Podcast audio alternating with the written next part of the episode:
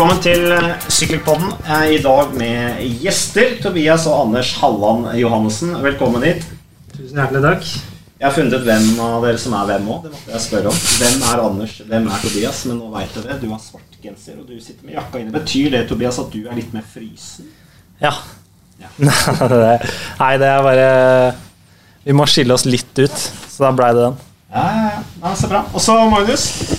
Stemmer. Det er kaldt ute, Magnus. Mm. Du, du sliter med kulda nå. Klager på den. Strømregninga er høy i det hele tatt. Men eh, kjører du stillongs nå, eller? Nei, jeg skal prøve å gå min første vinter uten stillongs. Jeg får så masse tyn på jobb. Og dame av og til. Jeg går med stillongs i voksen alder. Så jeg, eh, den er lagt bort. Nei, det er ikke det. Så jeg har lagt den bort. Men hvordan ser de andre at du har stillongs? Det- Hvis du går hvis du, Hva slags arbeidsklasse er vi har her? Ja, når det kommer i bare stillongs. Jeg skjønner at folk reagerer. Ja, Jeg fikk jo Sindre Olsen med på stillongskjøret en stund. da. Ja. Eh, men så må du jo, det blir for varmt på jobb, så du må jo ta den av på jobb. på et vis. Og da var det sånn kluss i vekslingene. Eh, så da har vi lagt den bort i år. Men det er tunge dager, da, når det er 10,5 minus. Eh, da sliter Da er det fristende å ringe sjefen og si at jeg tar hjemmekontor pga. koronafrykt og sånt. Ja. Uh, men jeg kommer på jobb. Men eh, det er tungt. Sykefraværet er jo nå 6,6% i landet, så nå kan du jo bare utnytte den muligheten til å også på en måte slenge deg med i, i den statistikken, da. Det kan jeg. Mm. 6,6 Det har du lest opp på? Ja, jeg hørte på nyhetene i dag. Ja, okay, Ja, det er all time high, eh, så jeg hørte på det samme. Ja, ikke Eller sant? ikke all time high, men det er tilbake på nivået Vet du hva, jeg leste ikke mer. Nei, men Du så på nyhetskanalen, kanskje? Altså på bildene. Så dere har fått med dere det, så her er vi oppdatert med bare det. Men vi skal ikke snakke om sykefraværet. Tobias og Anders, tusen takk for at dere ville komme hit. Vi sitter jo på øh, hovedkontoret til TV 2 i Oslo. Eh, Her er det for øvrig veldig varmt, så jeg tror ikke de sparer på strømmen her. altså. Vi serverte litt kaker og greier. Det har ikke begynt å, å spise av det ennå. Anders, du har vært på O2-test i dag. Ja, faktisk Tobias som har vært på motodest, men eh, Ja, Tok, tok feil med en gang. Ja. Ok. Så Anders skal ha, så han kan ikke spise kaker, men jeg er ferdig. Nå er den målt, så Ny pers. Nja, Nei, ikke helt ny pers, men godt nok, tror jeg. Du vil ikke snakke om det? Var det så dårlig, eller? Eh, nei, jeg tror det var greit, men eh, det er vanskelig å si om man skal dele det eller ikke. Det, er Men sånn, det var over 80, eller? det var over 80. Ja, men Det var det. det Det var liksom, da trenger du ikke noe mer O2 enn det, gjør du det? Nei, da Nei, jeg tror det alltid er fordel jo høyere enn den er. Så, men uh... Du gjør det ganske høyt, Mats.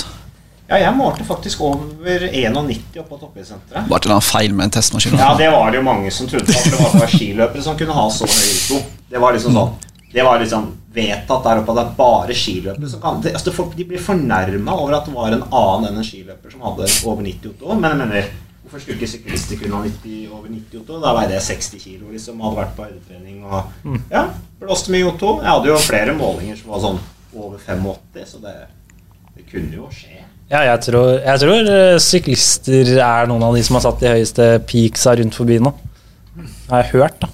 Så jeg tror eh, Ja. Det ikke, jeg tror det er mange syklister som tester høyt. Hva må høyeste dere ha målt, da? Ble stille? Han der, eh, Tobias, har jo vært eh, ja, oppå de tallene du prata om der. Mm. Så vi ligger jo jevnt sånn rundt eh, ja. Rundt 90, kanskje?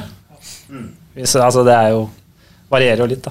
Ja, klart det. Så Men tester dere likt på FTP og på, ja, på O2? Er det mer eller mindre identisk? det er ganske Altså, det har vært eh, noen ganger jeg har testa høyre, og så noen ganger Tobias har testa da. Så nå skal jeg teste når jeg kommer hjem fra samlinga. Deilig. Satser på at eh, Vi får se. Det er ikke noe jeg legger så stor vekt på, egentlig. Det er jo Nei, du så jo det var ikke veldig sånn utslagsgivende på min karriere, i hvert fall. Jeg tror det er, det er det som er altså Folk blir opphengt i akkurat den, men det er veldig mye annet som avgjør sykkelritt enn den O2-en. Du, du tenker ikke liksom åh, jeg har høy O2, så jeg vinner alle sykkelritt. Det, det er veldig mye annet. Så Men vi var litt sånn, vi. At uh, hvis vi blåste opp Otto mest mulig, så var, da var vi på en måte, hadde vi selvtilliten, og dette måtte bare gå bra. på en måte.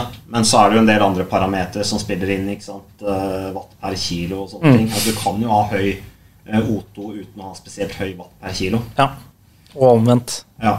Så, så det, det er jo litt viktig. Også som du sier, Tobias, alt det taktiske og tekniske og alt dette her som spiller inn uh, i et sykkelfelt, som jo betyr enormt mye. Mm.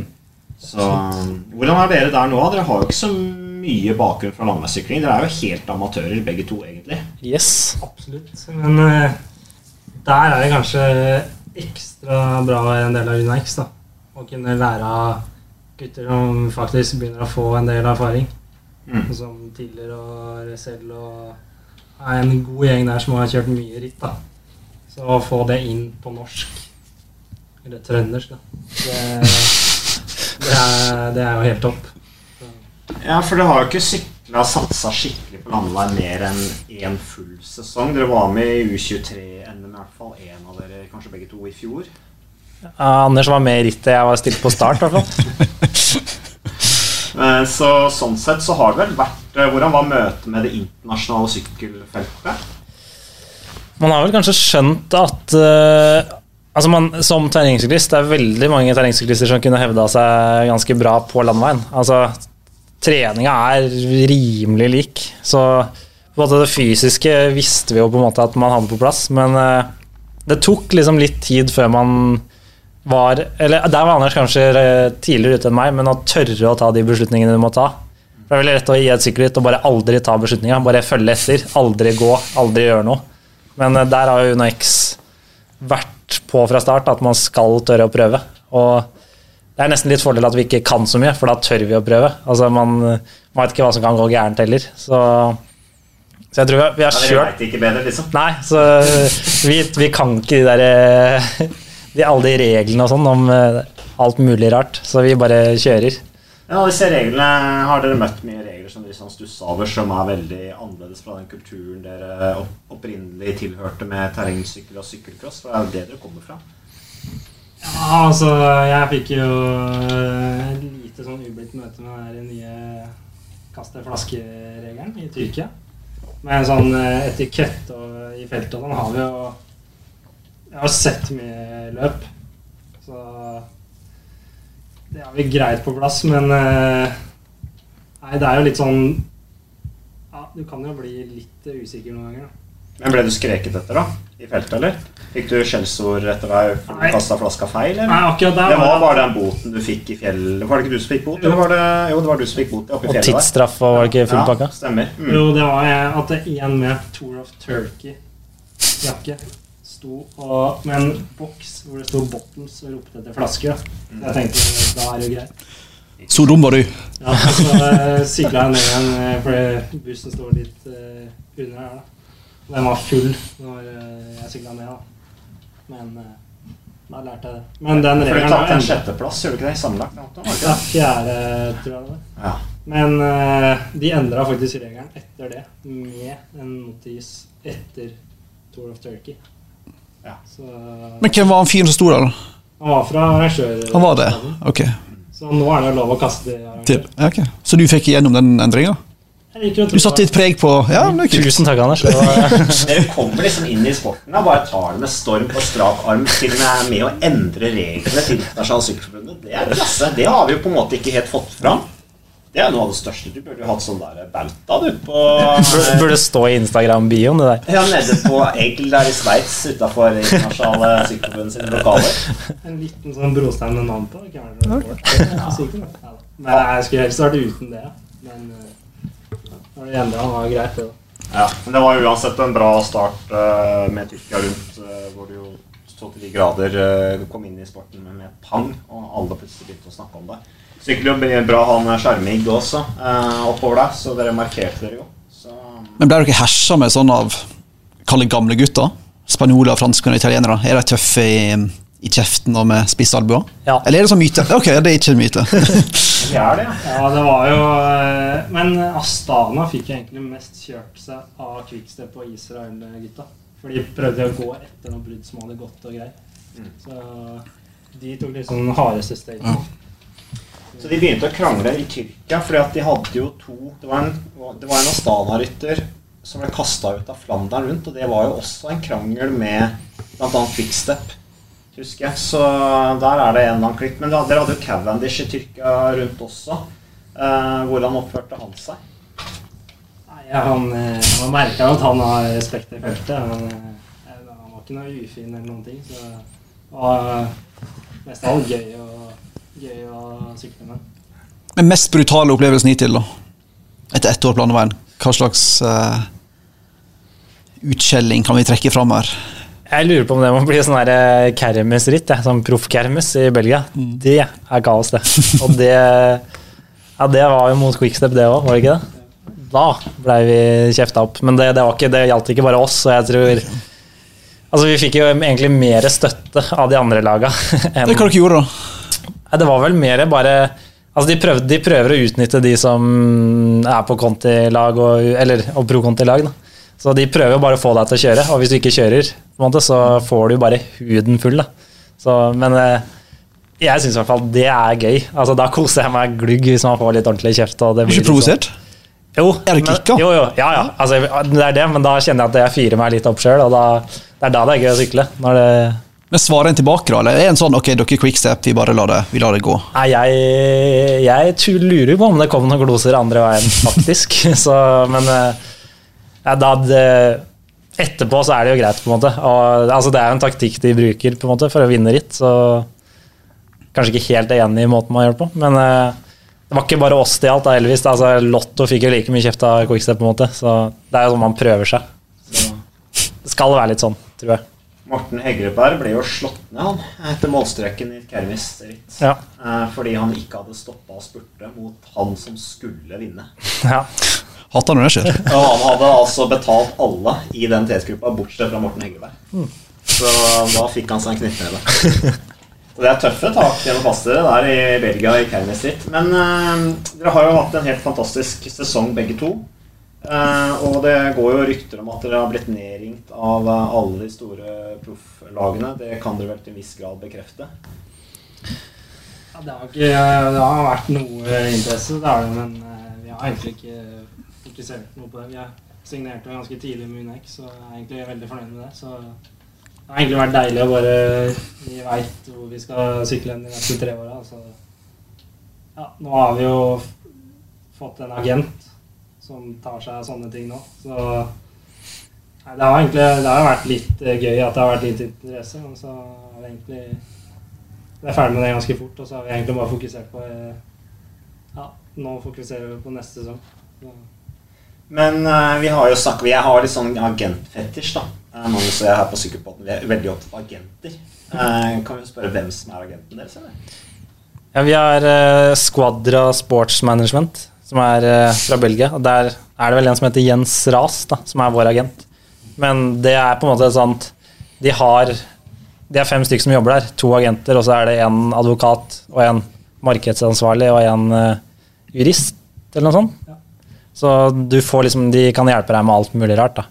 Så når, altså Vi har aldri trengt det før, men sånn, man merker nå at det kan faktisk hjelpe til å ta litt av den Ikke at det ringes ned mye, men da kan du sende alt videre dit, da, så slipper du å tenke på det sjøl. Det er faktisk meget behagelig, og de har vært veldig ålreite og flinke med oss. Så godt forhold til Uno X og alt, så det De kan anbefales. Men apropos, vi snakka om uh, The Cunning Quickstep, eh, og at dere har vært ute i felt og kriga med rytterne deres, Cavendish bl.a. Uh, men eh, det, det ble jo sagt, snakket om at dere ble oppringt av Patrick Lefebvre personlig, en av dere. Det var kanskje deg, Tobias, etter at du vant uh, Tour l'Avenir. Eh, stemmer det? eller? Eh, det, var, det, var vel, hvis, det var vel litt prat der, men det var før Tour l'Avenir, var det ikke det? Jeg lurer på om det var før. Men eh, det også var sånn Det var da, det var da vi fikk oss agent, så sånne ting sendte Det var etter praten med Patrick Lefebvre. Nei, Nå må vi ha agent, liksom. Nei da, men man merker sånn Det var jo aldri på terreng, men med en gang man begynner å kjøre Eller får til et eller annet da, på landevei, så er det jo en gjeng som har lyst til å på en måte være med deg videre da, på den uh, reisen. Men uh, Så vi, vi var ganske tidlig på at man, det kunne være lurt med agent, så sånne ting har vi da etter hvert begynt å få han til å ta. Men hvordan var det samtalen med Patrick Lefebvre? Med sin hese, hviske stemme? Nei, det var, eh, det var meget kort og Upolitisk, upolitisk korrekt. Ja, vi diskuterte mye damelag og sånn. Du sa kanskje at du ville ikke sykle for deg hvis ikke du skaffer deg et damelag. Ja, det burde jo vært sånn. Men eh, nei, han, eh, det, jeg tror han er en type som eh, man må ta for den han er. Så kjenner ikke så godt inn. Nei, nei, nei, men det sier jo litt da når han ringer eh, personlig. Eh, Så, så har, han, eh, har han absolutt lyst til å signere deg. Det er det ikke noe tvil om. Så, men hvordan er det med trening og sånn nå? Hva gjør dere, hvordan bygger dere opp treninga nå? Altså, er det store forskjeller? Har du noe sånn lang, langsiktig sånn utviklingstrapp i forhold til trening, i forhold til langsiktige mål, eller hvordan gjør dere det sånn rent treningsoppbyggingsmessig? Er det noen store endringer i forhold til tidligere? For oss er det jo egentlig å bli Vi må bare bli mer robuste. Altså, vi kjente jo det i år at eh, det, det tar mer på å kjøre en full landeveissesong. Så vi gjør ikke noe vi gjør ikke noe veldig spesielt på trening. Det er egentlig et par langturer i uka, et par intervaller, og så fylle på litt imellom eh, hvis man føler seg bra. Da. Så egentlig bare sakte og forsiktig bygge en god base. så ja, ikke, noe, ikke prøve å finne opp kruttet på nytt på en måte nå. Hvor er det mest å hente, da? For dere? Dere virker jo gode på det meste, egentlig. Men. Nei, vi har jo Vi mangler jo litt kjørestyrke. Vi har ikke Altså Hvis man eh, en gang i framtida skal henge med i klassikere, så Mm. Så må det opp med terskelvann eh, og kunne ligge der en god stund. Da. Så det er, det er hovedsakelig det vi jobber med nå. Å få opp den litt, da. Og samtidig bli mer robust. Skal ikke ha noe lange skadeavbrekk og sånn. Robuste, hva betyr det? Nei, Vi må tåle, tåle de ritta, da. At uh, En kontinuitet. Altså bare aldri prøve å være minst mulig skada og syk. Det er, eh, jeg håper Agi blir glad hvis han hører dette, at eh, kontinuitet er liksom det viktigste. Ja, nei, det er liksom bare å havne i en god spiral og ikke havne i en god, god spiral. Det, er, det ser man ofte ganske tidlig på sesongen til det rytter, om de liksom er i, i flytsonen eller ikke. Det har mye med sykdom selvfølgelig og skader å gjøre. Ja. Eh, Men, eh, men det har jo noe med hvordan du kommer inn i, i sesongen også rent sånn eh, formmessig og grunntreningsmessig, og at du har fått nok hvile fra året før. og i det hele tatt. Men hva med styrketrening og sånne ting? Gjør dere noe av det, eller er det Ja, det er en av de tingene vi begynte med i fjor, vel. Mm. For uh, hovedsakelig skadeforebyggende. Men vi tar jo styrke med vekt, på en måte. Så det er en av de nye tinga vi har begynt med etter vi ble landeveissyklister. da. Så er det sånn på terreng, så var det jeg mente med litt sånn eh, robusthet. At der er det kanskje ja, Du har en eh, åtte worldcups, da. Og det er på en måte hovedmålet. Og da har du mye mer tid til å bygge deg opp til hver worldcup, mens på landevei så kommer jo ritta på løpende bånd. Ha en god base, da. Det er mye viktigere på landevei enn så klart viktig på terreng, men eh, det er mer avgjørende på landevei. Du skal tåle en del juling. Du skal det, og ikke minst også reising og alt dette her på toppen av det hele. da, Som du sier, ikke sant, med forskjellen til terrengsykling. Men apropos dette med terrengsykling. Eh, nå, Dette har vi snakket litt om også, Magnus. Dette er med den generasjonen som vi ser på en måte begynner å komme opp nå. At det begynner å bli ganske attraktivt med ryttere. Også i forhold til sykkelsponsor og sånn. At det har ryttere som lykkes på flere arenaer. Eh, Du har Matthew van der Poel, Tom Pitcock, Walf van Ert. Du har også flere på, på kvinnesida som begynner å komme nå, som satser på tre disipliner gjennom hele året. Er det noe som inspirerer dere, eller? Jeg tror eh, Ja, eller altså det er kult å se. Man, før har man jo ikke tenkt at det går an, men eh, man ser jo nå at det er jo Altså Hadde man, hadde man starta å sykle nå, så hadde man Da tror jeg hadde liksom begynt med cyclecross og terreng, på en måte. Og, altså fordi du får med så sinnssykt mye som er fornuftig å ha med videre i karrieren. Da. Og det er mye lettere å bygge den basen etter hvert. Og altså, få den eksplosiviteten og sånn eh, i barneåra gjennom terrengsykling og cyclocross som du ser van der Poel og Wout van Aert har. Da. Så eh, jeg håper det inspirerer mange på en måte bak oss òg, som, som før kanskje bare ville sykle landevei, men som nå sykler litt mer allsidig. Da. Og det samme er det jo sånn når du er ung, så er det mye bedre å stikke ut på trening i skogen enn langs veien. Så jeg, vi, ja, jeg tror det blir liksom den nye veien å gå. Da. Når var det dere begynte å sykle? Altså, når var det liksom dere Festa startnummer på ryggen for første gang. Hvor gamle var dere da? Vi var ikke så tidlig ute, faktisk. Det var jo sånn uh, UB-cup og sånn lokal terrengcup. Det var det første vi begynte med. Vi var vel det 13-14? I 13-14-årsklassen. Uh, så før det så var det sykle til skolen, være med fatter'n på stitur. Og så Da var det spurt hjem hver gang. Og så etter hvert da så begynte vi å slenge oss litt med på UB-cup og sånn. Syns det var gøy. Blei vel eh, ofte langt bak. Men eh, vi koste oss eh, med det. Så dere, dere fikk litt juling altså, når dere var yngre. Altså, det var ikke sånn at dere vant alt fra første stund, sånn som Tor Huse gjorde. Altså, Tor Huse vant absolutt alle ungdomsmesterskap til han ble 16 år. Det var første gang han ble slått i jeg tror det var temporitt uh, i, i ungdomsmesterskapet. Mm. Men dere er ikke der, dere. Nei, det var vel mer omvendt. At vi når, når Ja, det var vel når vi var rundt 15-16 at vi begynte å liksom kunne kjempe om seieren. Før det så var det vel eh, Altså Hvis vi rakk start, så var vi heldige mange ganger. Vi, ja, Johannes Sehn heter vi. Altså Vi er ofte seint ute. Og, så vi har det har, vært, det har vært mest for gøy hele veien. Men eh, når vi var yngre, så var det bare gøy. Så jeg hadde lite fokus på en måte på de ritta på trening og sånt. Det var bare være med for gøy. Men dere har hatt mye glede av faren deres, som tydeligvis har tatt dere mye med ut i aktivitet. Absolutt. Det er både mutter'n og fatter'n. Eh, vært megaheldige. Vi har vokst opp i Drøbak, litt utafor Drøbak sentrum. Og hatt skiløyper og skogen og alt uh, ute, da. Og vi har vært mye ute i barndommen. Det har vi. Så der har vi vært meget heldig, tror jeg. Det er en bra ballast å ha det. Også. Vært mye ute i aktivitet. Du trenger på en måte ikke å vinne konkurranse, men det der å ha den grunnbasen ved å være mye ute i aktivitet, det tror jeg er ganske viktig. Uh, og flott å høre. Uh, så jeg har jo også en langtidsplan for mine barn. Men det, det, går via på en måte bare være ute. Så, så såpass kynisk er jeg. Men hva vet dere om rittprogrammet deres for 2022? Eh, vi skal jo på samling til Spania nå, og da er det noen møter med hvor de legger fram planen. da. Eller i hvert fall en foreløpig plan. Så nå veit vi foreløpig veldig lite.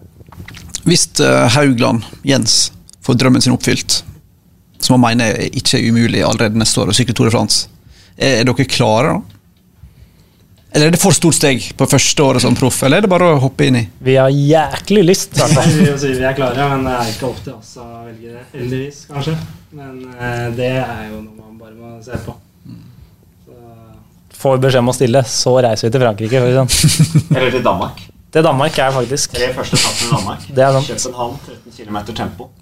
Så eh, det hadde kledd dere, det. altså Det hadde kledd det sykkelfeltet å hatt et norsk lag der, det syns jeg. Så vi, vi, stemmer for det, vi.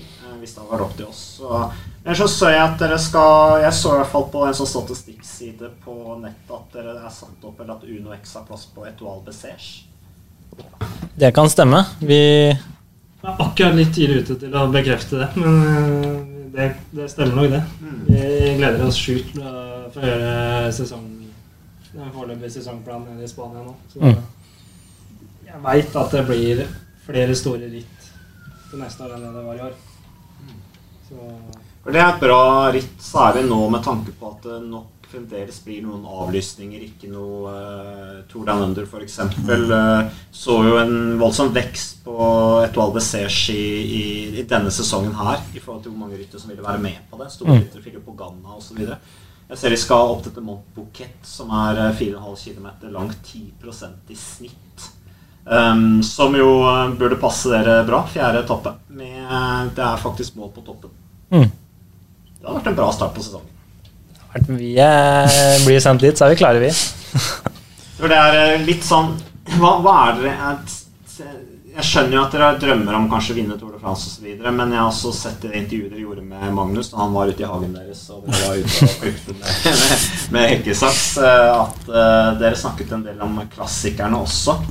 Men er dere sånn at dere tenker at dere skal spesialisere dere? Eller tenker dere sånn at vi vil være rytter som på en måte er med på alt og får masse erfaring og vinner litt både her og der? Litt sånn Bernhard Hinoer?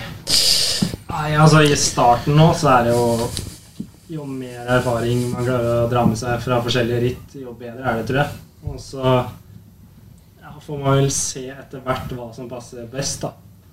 Men eh, foreløpig så For, for det snakker om robust. Det handler jo også litt om å være robust. Altså for sykkelfeltet, du, du har mye skjøre syklister i sykkelfeltet som kanskje burde ha vært mer robuste i forhold til også dette som går på det tekniske, Mm. med å takle flere disipliner. Det blir jo tøffere som syklister ved å også takle litt brostein og være med i klassikere og ikke bare kjøre etapperitt. Ja. Man ser jo nå at det er ikke Altså, du kan både vinne Ardenner-klassikere og Tour de France i samme sesong nå. Ja, Det er ikke sånn at man liksom Sånn som de Grand Tour-rytterne før, som var sylt inne og tålte kun det, på en måte. Så um, det er veldig mange ritt som frister å kjøre, og det, det er ikke kun Tour de France, men uh, ja, ja, litt sånn ja takk, begge deler, egentlig, på alt. Og Robé ser kult ut, og det er liksom et et eller annet sted må man jo sette en grense, men uh, ja, vi har lyst til å kjøre prøve litt av alt. Ja. Hvilket løp som pirrer mest, da? For, for min del er det i hvert fall Liège, Baston Liège ser eh, megakult ut. Ja, hva de Ardenne-klassikerne ser helt rått ut. Så det er klart at det er noen klassikere i Belgia. Mm. Det må man gjennom som uh, syklist, føler jeg. Men snakker vi, Dere er ganske like som typer, Anders. Eh, snakker vi da Arden eller Flandern? For det er to forskjellige arenaer, på en måte. Jeg syns uh, Jeg tror kanskje Ardenne passer hakket bedre. Mm. Eh, men eh, samtidig jeg har ikke kjørt veldig mye nedi der. Så jeg veit ikke. Jeg håper vi får prøve litt eh, av hvert. Ikke at man får kjøre de største ritta der med en gang, men kjøre i de områdene og løpe i de områdene. Det hadde jo vært veldig kult å prøve litt av hvert. Dere har jo kjørt Circuit Ardennes, dere har kjørt VM i Flandern. Vi snakka litt om i forhold til U23-fellesstarten i, i Flandern-Løvet at eh, så mente jeg i hvert fall at dere ville takle det med brostein veldig bra. Nettopp fordi at dere har den sykkelcross- og terrengsykkelbakgrunnen. Eh, Sånn, dere har jo punch, begge to, da. Eh, Så jeg tenker jo sånn som Flandern rundt kunne ikke Det er jo ikke helt urealistisk, det heller, tenker jeg. Det ser Altså, man har jo lyst Det er et ritt man har lyst til å gjøre det bra i. Og det vi må jobbe med, er jo at det er ganske langt og seigt. Mens på en måte i bakkene Eller det vi har vært vant til å kjøre til nå, er jo at man Vi blir jo tatt vare på inntil bakkene, og så er det liksom den, de 40 minuttene du skal prestere, da. Mens der er det på en måte hele veien så må du være påskrudd. Da. Og det, der kommer nok litt mer den uh, taktiske, og at man har litt mer å lære der. Da. I, i oppoverbakker så er det rimelig enkelt egentlig sånn taktisk. Altså, er du god nok, så er du god nok. Og hvis du ikke er god nok, så detter du av. Så det er veldig kult. Det hadde vært meget kult å kjøre Flandern rundt. Det, det er sånn drømmemål å kunne kjøre. Ja, altså hvor realistisk er det? Altså, dere har fått sannsynligvis på plass Etoile Bessège. Det er stort press for å være med i rittene nå, som vi snakka om. Eh, Det tyder jo på at Uno X absolutt er blitt lagt merke til når dere får den invitasjonen dit. Jeg tror det er gode muligheter for å sykle nesten alt av Flanders Classics-ritt. da. Det er mitt inntrykk. Jeg vet ikke hva dere har hørt, men det er mitt inntrykk at det ikke er usannsynlig. det. Det er jo litt sånn eh, Men det er- det er kanskje litt for tidlig for dere å sitte og På terrenget så meldte vi oss bare på. På landevei, så jeg veit at eh, UNX gjør i hvert fall det de kan for å kjøre de rytta der. Så får man se hva det blir, da. Men dere har jo trenere og Kurt og Stig og mye bra støtteapparat i UnoX.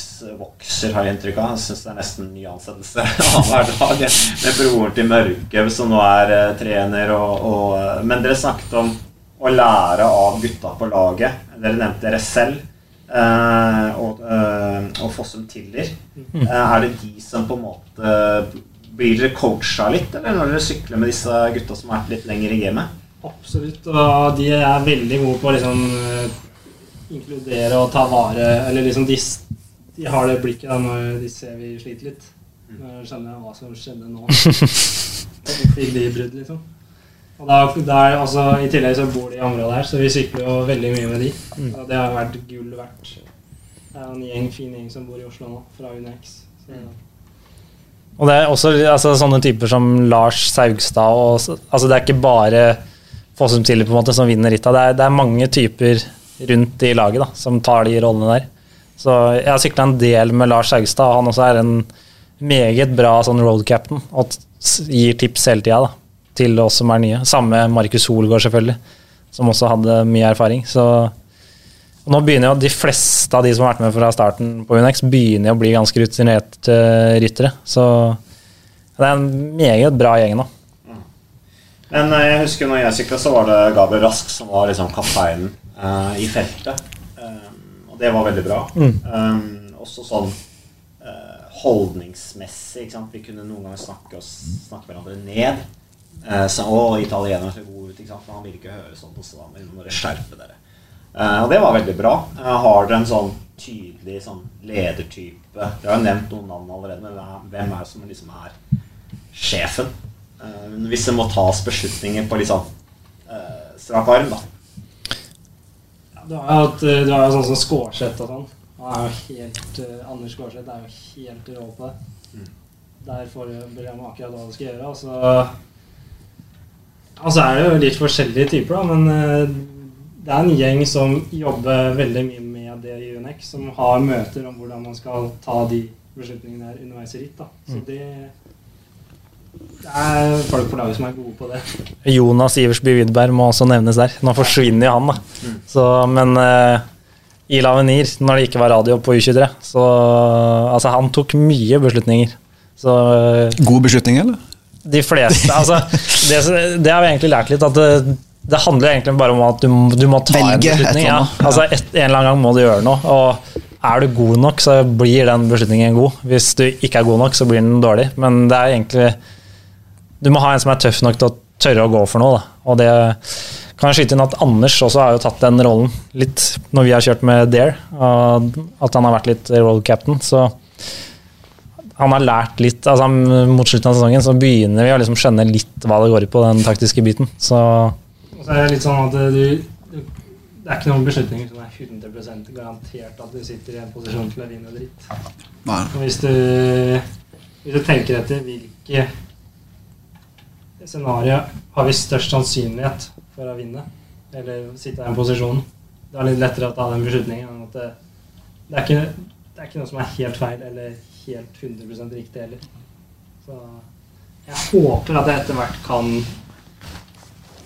ha selvtillit nok til å ta de beslutningene.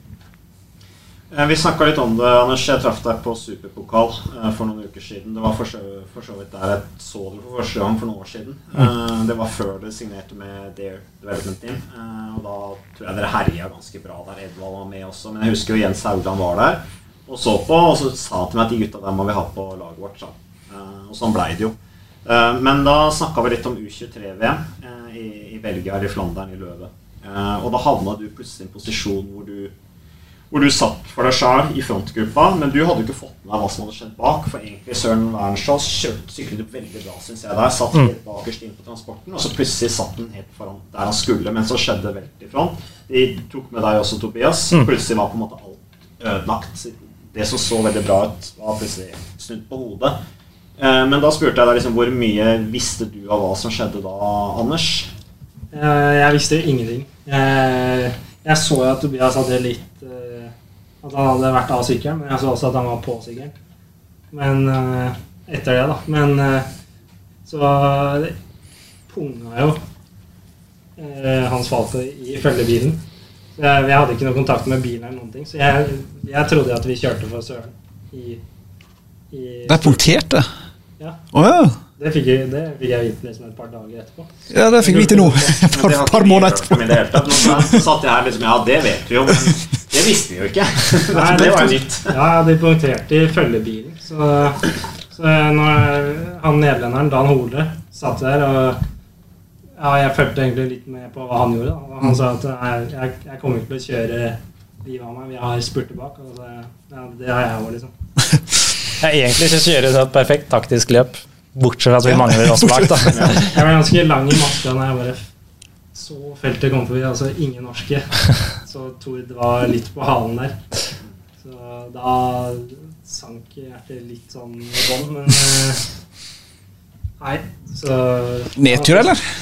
Vi hadde store forventninger, jeg tror mange hadde store forventninger til U23-landslaget der, og det ble jo ikke all verdens. Nei, det ble jo egentlig ingenting. Så Nei, det var jo nedtur, da. Mm. Det var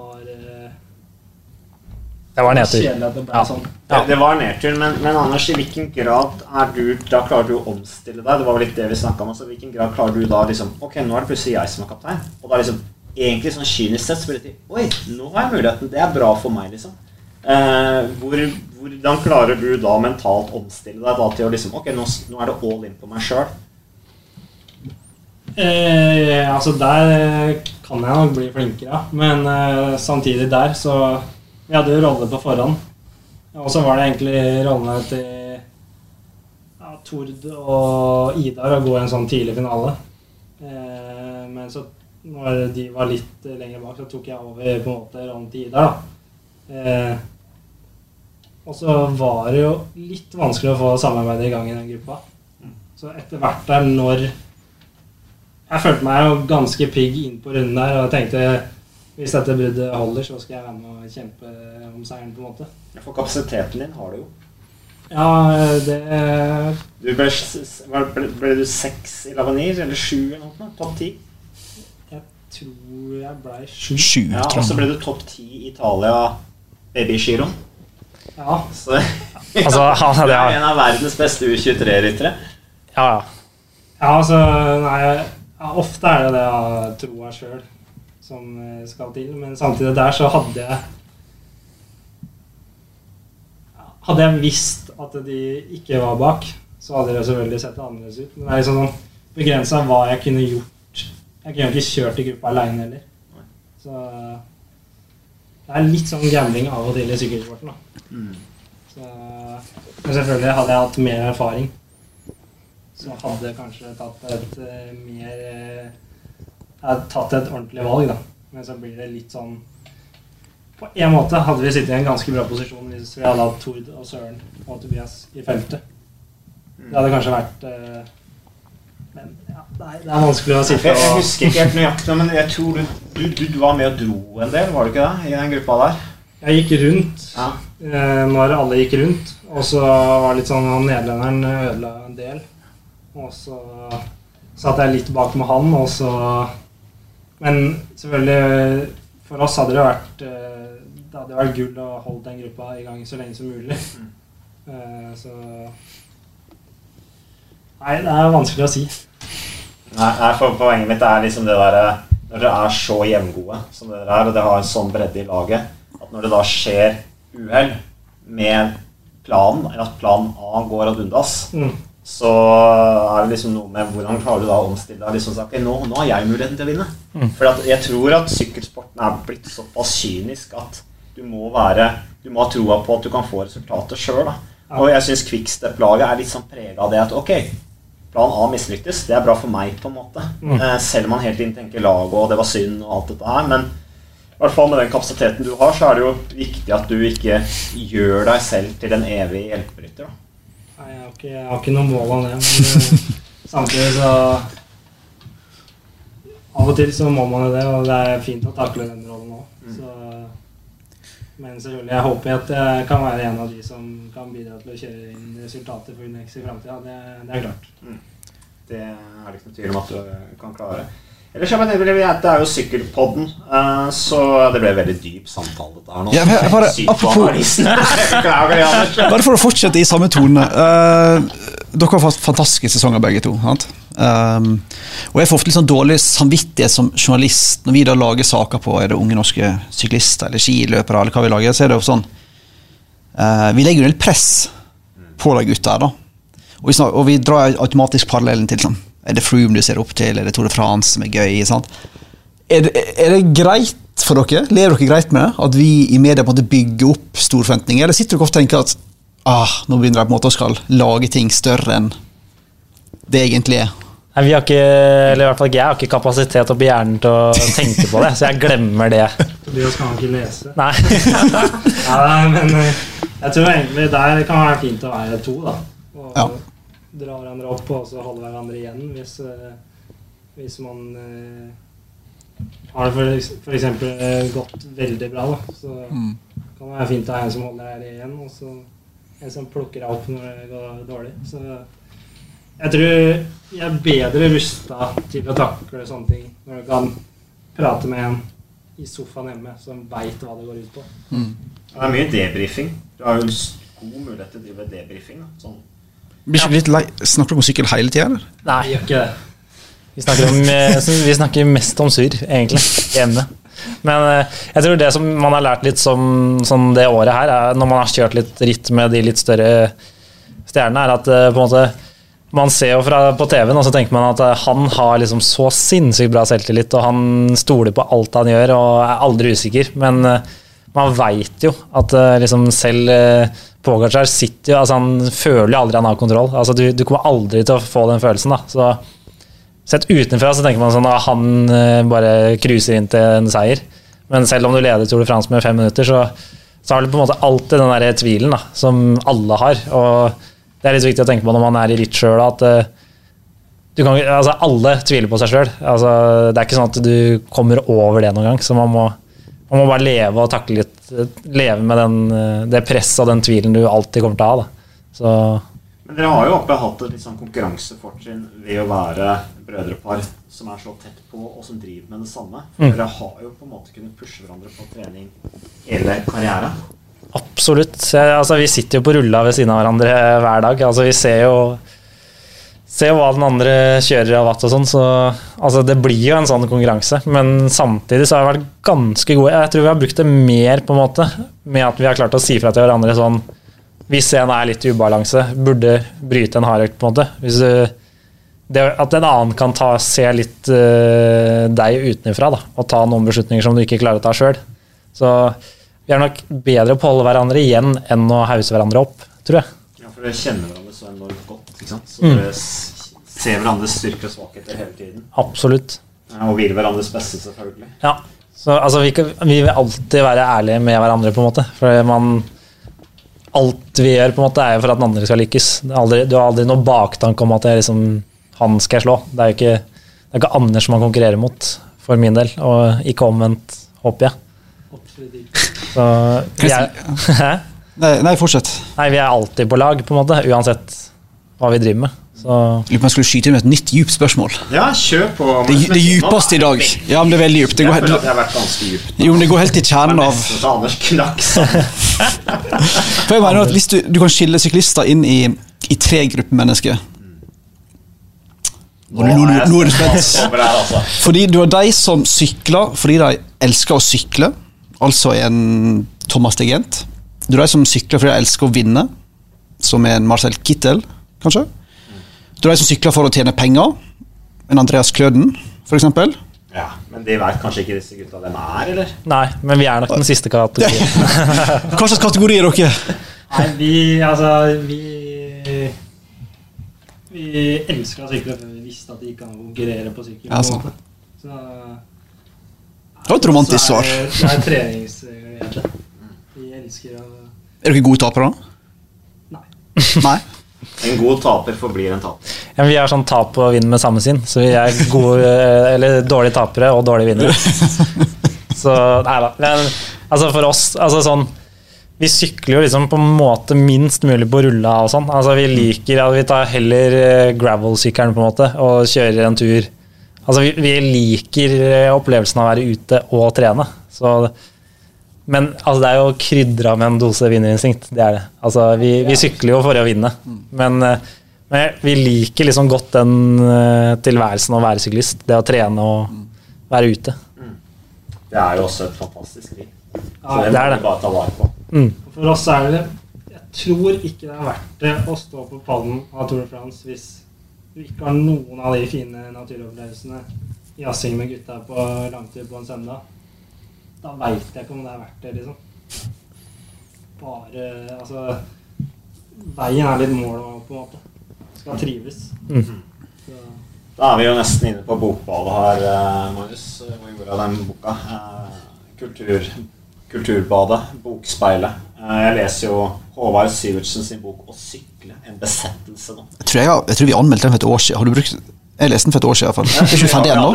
den. Er sikkert 70 sider lang. da Ja, den er, men den er, jeg har kost meg med den. Jeg har brukt ca. et år på den. Den er 10-15 sider lang. Den er veldig lettlest. Og det er i format Eh, A7 eller noe sånt? Så er Sivertsen, som er fra Kongsberg, som heter, at det er en besettelse. Litt sånn uh, symbolsk så har han Dette her er jo en, en eh, Det er altså en tegning av egentlig Lance Armstrong. Jeg vet ikke om han har egentlig ment å bruke det, men det, er- det er jo helt opplagt det er Lance Armstrong på det bildet. Eller den tegninga som er foran på det, det, Du ser at det er Lance.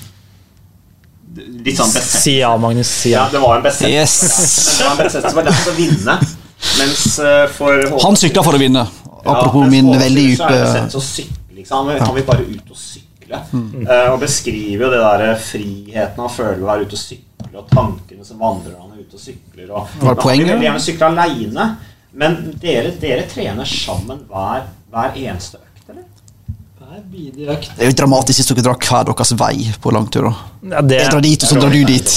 da tror jeg vi hadde blitt eh, Altså Da hadde vi blitt jula opp av familien tror jeg, hvis vi hadde begynt å dra hver vår vei på langtur. Nei, vi jeg tror vi har vært heldige, eller i hvert fall jeg har vært heldig med å få en bror som ikke er en ny økt. Da. Så han går an å henge med ofte. Men vi Ja, altså vi har jo, det er jo noen økter innimellom, så differensierer opplegget. Altså vi takler jo å trene aleine nå, det er ikke det. Men øh, jeg tror hvis du har en tvillingbror som ikke er gjøk, så vil du trene med den. Og det, det tror jeg ikke vi skal endre noe på. Men det er aldri sånn at en av dere har lyst til å dra ut litt tidligere enn andre, og andre har lyst til å vente til regnet stopper. Det er, det er ikke sånn. Eh, jo, det hender jo at eh, Men da finner vi den gylne middelvei. er det? Så nei, nei, det Vi tilpasser oss hverandre. Ja. Nei, det høres bra ut. Men eh, dere var bare litt inne på dette her med besettelse og lidenskap. Eh, og jeg ser Guillaume Martin her, eh, Magnus, eh, som jo er en fantastisk artig type. Han er forfatter, skrevet denne Sokrates som syklist. Han har akkurat gitt ut en ny bok nå eh, om eh, La Société du Peloton, som han ga ut i november. Altså livet i feltet. Det må jo få lest, eh, Magnus. Um, hvor han skriver parallellene mellom sykkelfeltet og sivilsamfunnet, da, basert på hans personlige erfaringer som syklist. Han mener er mye Det er jo, høres ut som han Slik jeg forsto, så, så han, tror jeg han ser mulighet til å selge denne boka litt i næringslivet, blant annet. Da, ikke sant? Sånn organisasjonsutvikling og sånne ting. Det er jo helt klart mye der man kan bruke. Men uh, han eh, gir jo også nå et intervju da, i, eh, i, eh, i en av disse franske avisene at han eh, Ja, nå skjønner jeg hvor du vil. ja, Etter det lange resonnementet. Er etikken i Ja, sporten. nå er. Eh, og at han eh, er på et sykkellag som er medlem av dette MPCC, altså denne organisasjonen som er starta av min tidligere sjef i Kriagerkoller og Sjøli Ski. eh, hvor da de lagene som er medlem der, de kan ikke de har visse retningslinjer i forhold til hvordan de skal forholde seg bl.a. til kortisonbruk og sånne ting. Eh, og sammen med en del av disse her franske stjernene som Romain Bardet, uh, Thibaut Pinot, Arnaud Demar, så har han uttrykt et ønske om å forby ketoner. Uh, er ketoner noe man snakker om i sykkelfeltet? I den yngre generasjonen som dere er en del av i dag? Aner ikke hva det er. jeg. Nei. Eh, Jeg, har- jeg har hørt det før, men eh, Nei, det er ikke noe som har vært eh, Jeg har hørt at det er Jumbo Visma og sånn som eh, Så har jeg hørt at det er dyrt. Jeg vet ikke hva de gjør, eller noen ting, men eh, Jeg er jo egentlig for en eh, sånn naturlig sykkelsport som mulig. Da. Ja, og det, det er litt sånn, eller egentlig sånn med Altså, vi kommer fra Norge. Eh, vi trenger ha, Altså, satt på spissen, så kan vi egentlig bare gå ut av videregående og så hoppe rett på Nav, og så er det noen som passer på oss. Altså, vi har ingenting. Vi, altså, vi, vi må ikke sykle. Altså, man sykler fordi det er gøy, og man sykler eh, Man sykler ikke for å redde familien sin eller for å komme ut av fattigdom, på en måte. Så da skal det kun være gøy. Altså, det er ikke gøy hvis, Nå er jo ikke ketoner, men f.eks. med doping. Altså, som norsk utøver da, så trenger du ikke dope deg. Altså, du, du, det er ikke det her du trenger for å skape et liv. Da. Så altså, den dagen man må begynne med masse surr som ikke har med sykling å gjøre, så da gidder ikke jeg mer. Da, altså, det skal kun være gøy, da. Og uten noe form for sånn kluss i det hele tatt. Eh, Nå kan ikke jeg noe om ketoner, så det kan jeg Hvis ikke uttale meg gjør at du sykler fortere, så kan det være gøy, det òg. Det er klart, men jeg, det er ikke, det er jo ikke Poenget er at det er jo ikke på forbudslista. Det er det som er den store diskusjonen. Men da MPCC-lagene de, de kan ikke bruke det, for de har ikke lov til å bruke det. Nei. Eh, For der er det egne, strengere regler.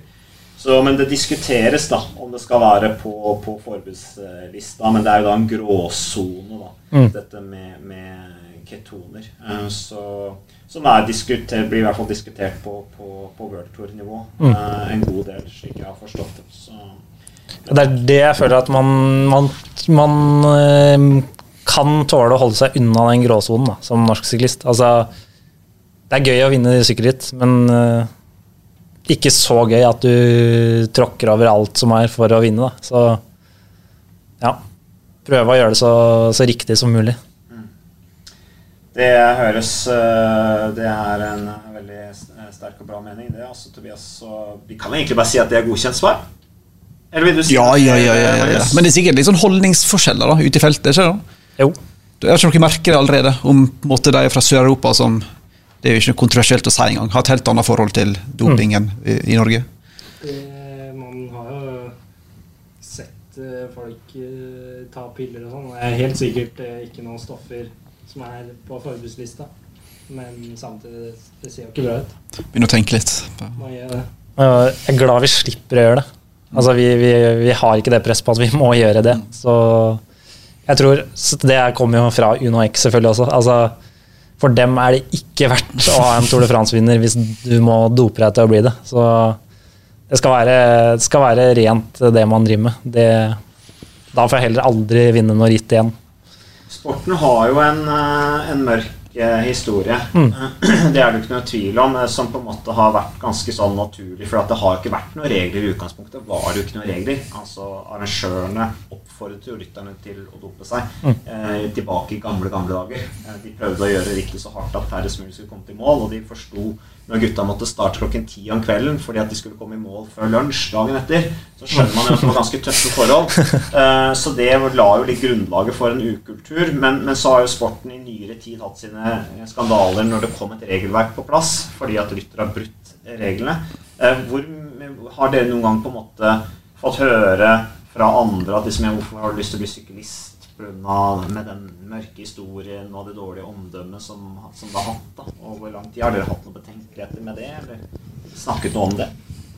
Ja, vi er jo på en måte av den generasjonen som Jeg har ikke sett Lance Armstrong Jeg så ikke han sykle, på en måte. Så han har på en måte ikke vært noe forbilde som han kanskje har vært for før man visste hva han drev med. Så vi har vært litt sånn skjerma fra den mørkeste delen av sykkelhistorien. Men så er det jo Treffer vi av og til på de som eh, sykler jo bare doping og Skjønner. Provoserende. Ja, ja. ja, men uh, Et par nettroll der ute. ja. Det er det. Det er det. Det gjelder vel ikke bare sykkelsporten. Jeg har faktisk sett et par. De finnes overalt. Det er sant. Men, eh, nei, nei, men det er, det er den, Jeg, jeg veit jo ikke hva den nye generasjonen unge ryttere sier og snakker om tenke. Altså, den generasjonen min, Vi snakka mye om det. Fordi at det, vi visste at det var der. Det var et problem. Um, nå er jeg jo ikke i det lenger, så nå veit man jo ikke hva unge ryttere snakker om. Det var derfor, jeg, derfor vi spurte, eller jeg spurte, da. I forhold til dette med Guillaume Martin uh, og, og hans eh, Som er ganske snakker litt om gråsoner og de tingene der. Ellers så er det jo det er jo ikke noe tvil om at sykkelsporten har gjort en skikkelig opprydding som forhåpentligvis kommer neste generasjon til gode. Så, men eh, bare litt sånn, i og med at vi er på sykkelsporten, du skulle du si noe, Magnus? Før I og med at vi er på sykkel... Nei, nei, kjør på. Kjør Ja, på. nei, for jeg, vi må jo ta litt nyheter. Ja. At uh, Det skulle jo egentlig vært verdenscup i sykkelklasse i Antwerpen uh, i helga. Jeg skulle faktisk kommentert det. Eh, men det, det blir jo da avlyst pga. Av, uh, covid. Frihjelp på deg, da. Ja, det blir helt. Det er vet du, nå har jeg begynt å ligge i sofaen og se på sport på TV og sånn. Det er helt eh, fantastisk digg. Eh, men det blir jo ikke noe å se på. For det er jo ikke noe World Cup i Antwerpen. Eh, så det er litt synd. Eh, Tom Pitcock og Val Knight skulle møtes der for første gang denne sesongen. Men det går visstnok et superprestisjeritt da, i Boom på lørdagen. Der skal de da møtes. Eh, så eh, Val van Eyck for øvrig, som eh, går for den grønne trøya i Tour de France eh, neste år. Det, har vi trua på det, eller? Hva er deres mening om det? ja. Altså, han kan jo gjøre hva han vil, ser det sånn, så det er kult om det blir litt fight om den trøya. Men da må noen andre gå for nå, da. Men det kommer de til å gjøre. Ja, men Han blir jo ganske uslåelig da, hvis han bestemmer seg for å ta han. Og, og han har jo åpenbart den statusen i laget òg, så han blir prioritert. Ja. Han har jo også en kapasitet til å kunne gjøre alt. Altså Når du kan ta poeng på Mont Ventoux i tillegg til noen massespurter det, altså det, det skal være mulig. Ja, altså Det skal være mulig å, for han å ta den trøya. Han hinta vel litt i et intervju her om at uh, en må gjøre noe på laget hvis det skal gå. da. Altså, Roglic skal prøve å vinne gult. Men jeg følte han første gang var litt sånn der uh, Du kunne lese litt mellom linjene at han vil ikke dra dit helt alene og skulle fikse grønn trøye på egen hånd. Da trenger noen som skal hjelpe han. Så spørs det hvordan jeg fordeler ressursene. Men um, Sett inn Tobias Foss, da. fordi han er spurtopptrekker Han kan være Kjemperask. Lidaten Han kan være sånn poengblokker, at han tar andreplassene. Ja, sånn, ja. Det, Det er han skapt for. Ja. Nei da, men det blir den klassiske problemet da, som er Cade Levens og Rob McEwan, og, som vi ser egentlig hele tida. Ja, du- hadde Erik Sabel og Jan Ulrik Ja, ja. i alle årene, som jo fungerte bra. Så det har jo Ja, da, litt- før. Men det var den gangen det var ni mann på lagene. Og den gangen alle dopa seg. Så det var det mulig. Også, også. Også. Men uh, Valfan her for øvrig, som fikk jo denne her uh, krystallen Fitz Altså Det er kun du som ler av å si det ordet. Ingen andre syns det er morsomt. Da ble kåret til årets sykkelrytter i Belgia nylig, men han møtte ikke opp pga. sykdom. Og så var det da Primoz Roglic som kom og tok imot prisen for ham. Reiste til Belgia, mottok denne prisen for Valf er det, og holdt en veldig flott tale hvor det liksom skinte veldig gjennom at de har et godt forhold. Og det er de vel kanskje litt avhengig av, skal de få til den derre Det var kult hvis han holdt talen som van Ert og takka foreldra til van Ert og takka kona. Det er kult. Jonne? Hvis du begynner å takke kona, Ja, ja. det begynner å bli Han kjørte den, han dro den helt ut der. Eh, Men det var, det var litt kult at de fikk han til å komme og hente den prisen. Det sier noe om statusen til Van Ert, og det sier noe om respekten Primus Roglic også har for Van Ert, tenker jeg, når han tar seg det bryet da, og gjør det. Og så tipper jeg at de betalte Primus Roglic ganske gode penger for at han skulle gjøre det. Så han var i sånn eh, trekkplaster. Eller så fikk jo da Tim de Klerk fikk jo da Kristallen Schwittdruppel som årets beste hjelperytter. I hvert fall for andre år på rad. Så, eh, så det, er, eh, det er bra. Dere har sett Dere har jo sikkert sykla litt med Tim de Klerk. Jeg har sett han. Jeg så, fikk han ikke, jeg så noen bilder av han med den prisen inni en traktor. Traktor. Da fjor, blir, jeg, da, eller da blir vi glad, for vi er litt sånn bonde... Det var i fjor, det. Ja. Da Yves Lampard Ja, det kan stemme. kjørte Ja. med traktor og ga han denne prisen tror jeg, på der hvor han bor, eller et eller annet. El-traktor, som han kalles. Ja. Men dere, hva slags bakgrunn? Altså, de- Foreldra deres driver gartneri, eller hvordan er det? Ja, er Andelsgartnerfirma, så de bygger hager og holder på. Og så driver fattern en gård litt på hobbybasis. Eller han, jeg lurer på om han har litt ADHD, så han driver med det meste. Jeg kan få det ut på poden her, at vi tror det. Ja, Det er absolutt en ressurs å ha ADHD. Da får du gjort mye. Ja, et snev var han i hvert fall. Så, han, eh, så vi har vært Og vi har fått være med på det meste, eller sånn, og også måtte være med litt. Altså, vi har blitt stilt litt krav til. Vi har ikke bare ligget på sofaen. Selv om fatter'n kanskje mener det. Men eh, nei, vi, vi, har, eh, vi har vært med litt på jobb, da, og på en måte ikke bare sykla. Så det tror jeg jeg har fått mye igjen for. At man Når vi, var, når vi, vi satt jo veldig mye i sandkassa når jeg var eh, sånn 12-13 Nei, men i barnehagen og sånn, og da satt vi og gravde, og så lata vi som vi var gutta på jobben. Da. Og da hadde vi røykepause. i sandkassa. Så det er noen ting vi har dratt med oss inn i sugehjerne, og så er det noen ting vi har latt eh, Altså, vi hadde ikke sigg. Nei, Nei, for Jeg skulle til å spørre hva røyka dere egentlig? Prins Mild, egentlig. Det var Nei da. Nei da, så vi har eh, Hva var det egentlig dyrka på den gården? da? en lyssky businesssektor. Det er riktig. Nei, eh, vi har jobba som gartnere. Vi fullførte videregående, så har vi ikke studert den etter det, men vi har vært med og jobba, da. Så jeg tror det kan være fint å ha med seg. Så Nei, vi har hatt eh, Ja, vi, vi veit eh, hvordan det er å få en lønnssjekk som du har jobba for. Da. Det tror jeg kan være bra. Et stikk til alle stortingspolitikere der. Ja. Et Eh, knallhardt stikk, faktisk. Ja, det er absolutt et knallhardt Men dere gutta, det var utrolig hyggelig at dere kunne være med. Uh, Runder vi over allerede? Jeg hadde ett tema jeg Jeg, spørre lyst til å jeg spørre deg kunne om. sittet lenge, men jeg bare prøver å ha litt respekt for gjestene våre. Marius. Eh, vet du, men hvis, hvis du vil Ja, for jeg tenkte um, Enda vanskelig spørsmål enn doping, som du kom med. Uh, slanking har vært i tema i norsk idrett. Vi har spilt i ski, har fått masse oppmerksomhet. Uh, sykkel har jo kanskje rydda litt opp, virker det som. Litt mer sunn sykkelsport nå enn for 10-15 år siden. Ja. Hva slags forhold har dere til det? Ja, Tobias for Foss har annet snakket om at han over så og så mange år skal ta så og så mange kilo, ganske gradvis og kontrollert for liksom, å komme seg ned i perfekte vekta. Hva tenker dere, hva slags forhold har dere til det? Eh, nå har vi ikke hatt noe fokus på det, egentlig. Vi har ligget stabilt i vekt de siste ja, sikkert fem åra. Eh, men samtidig så er det jo det er en faktor i sykkelsporten. Og uansett eh, hvor upolitisk det er å slanke seg, på en måte, så er det jo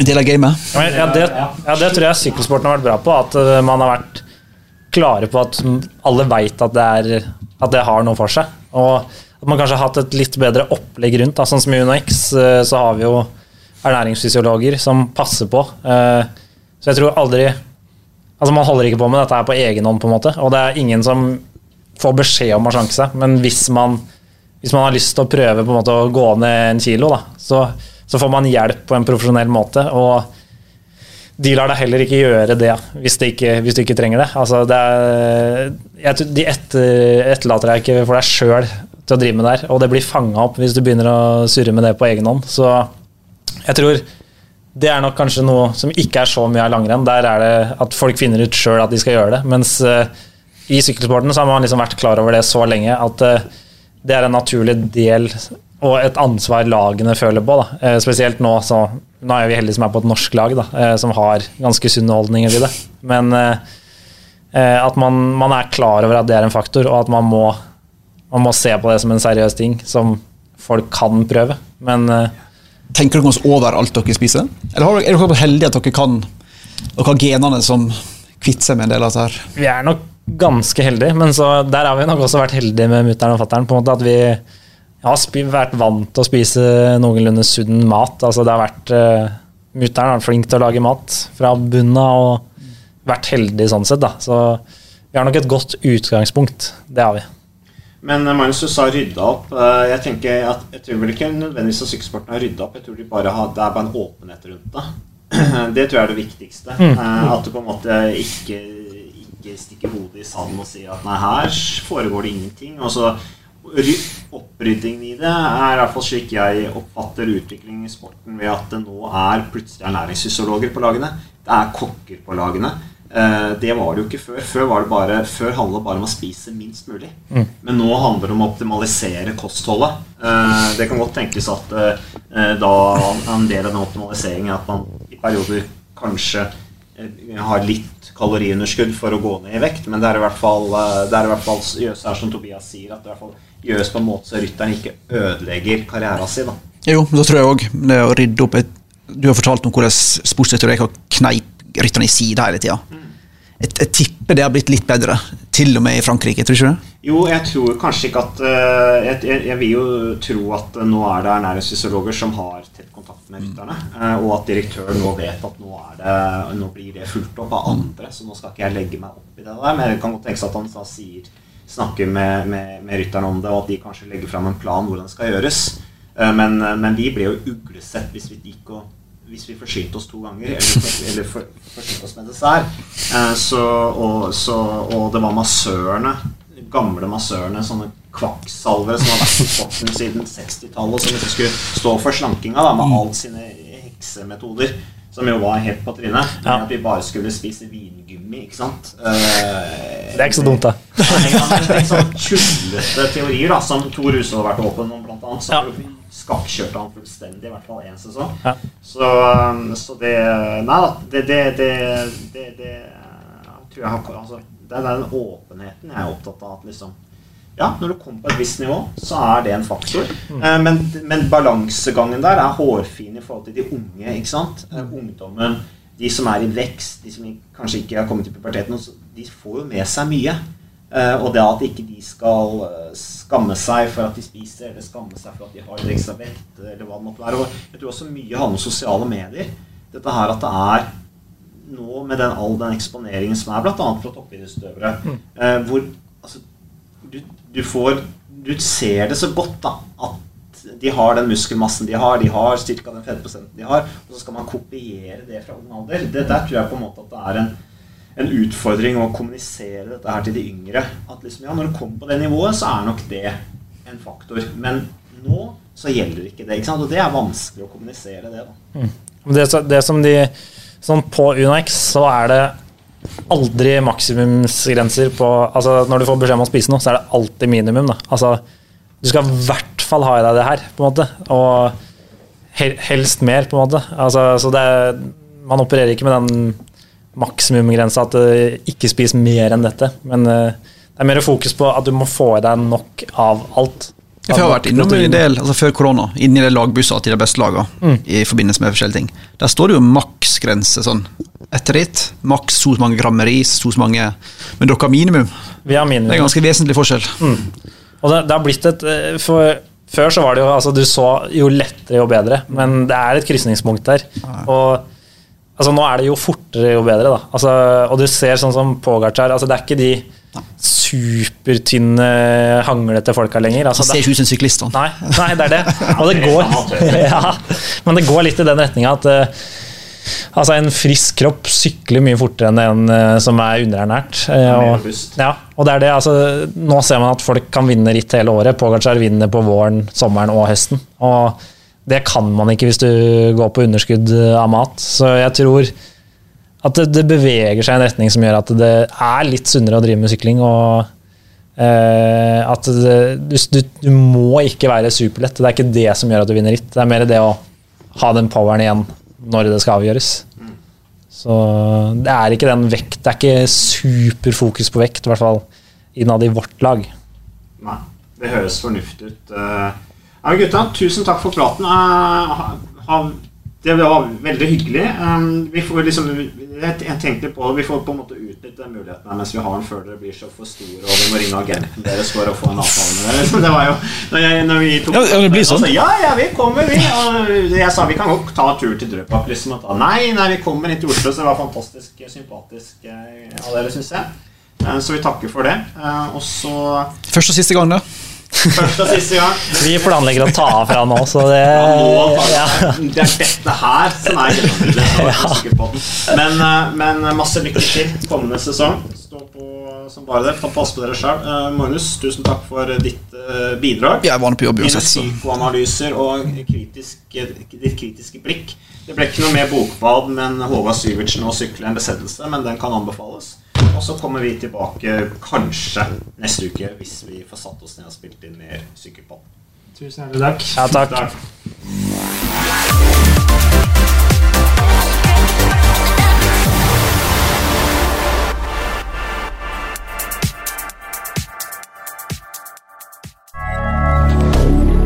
moderne media.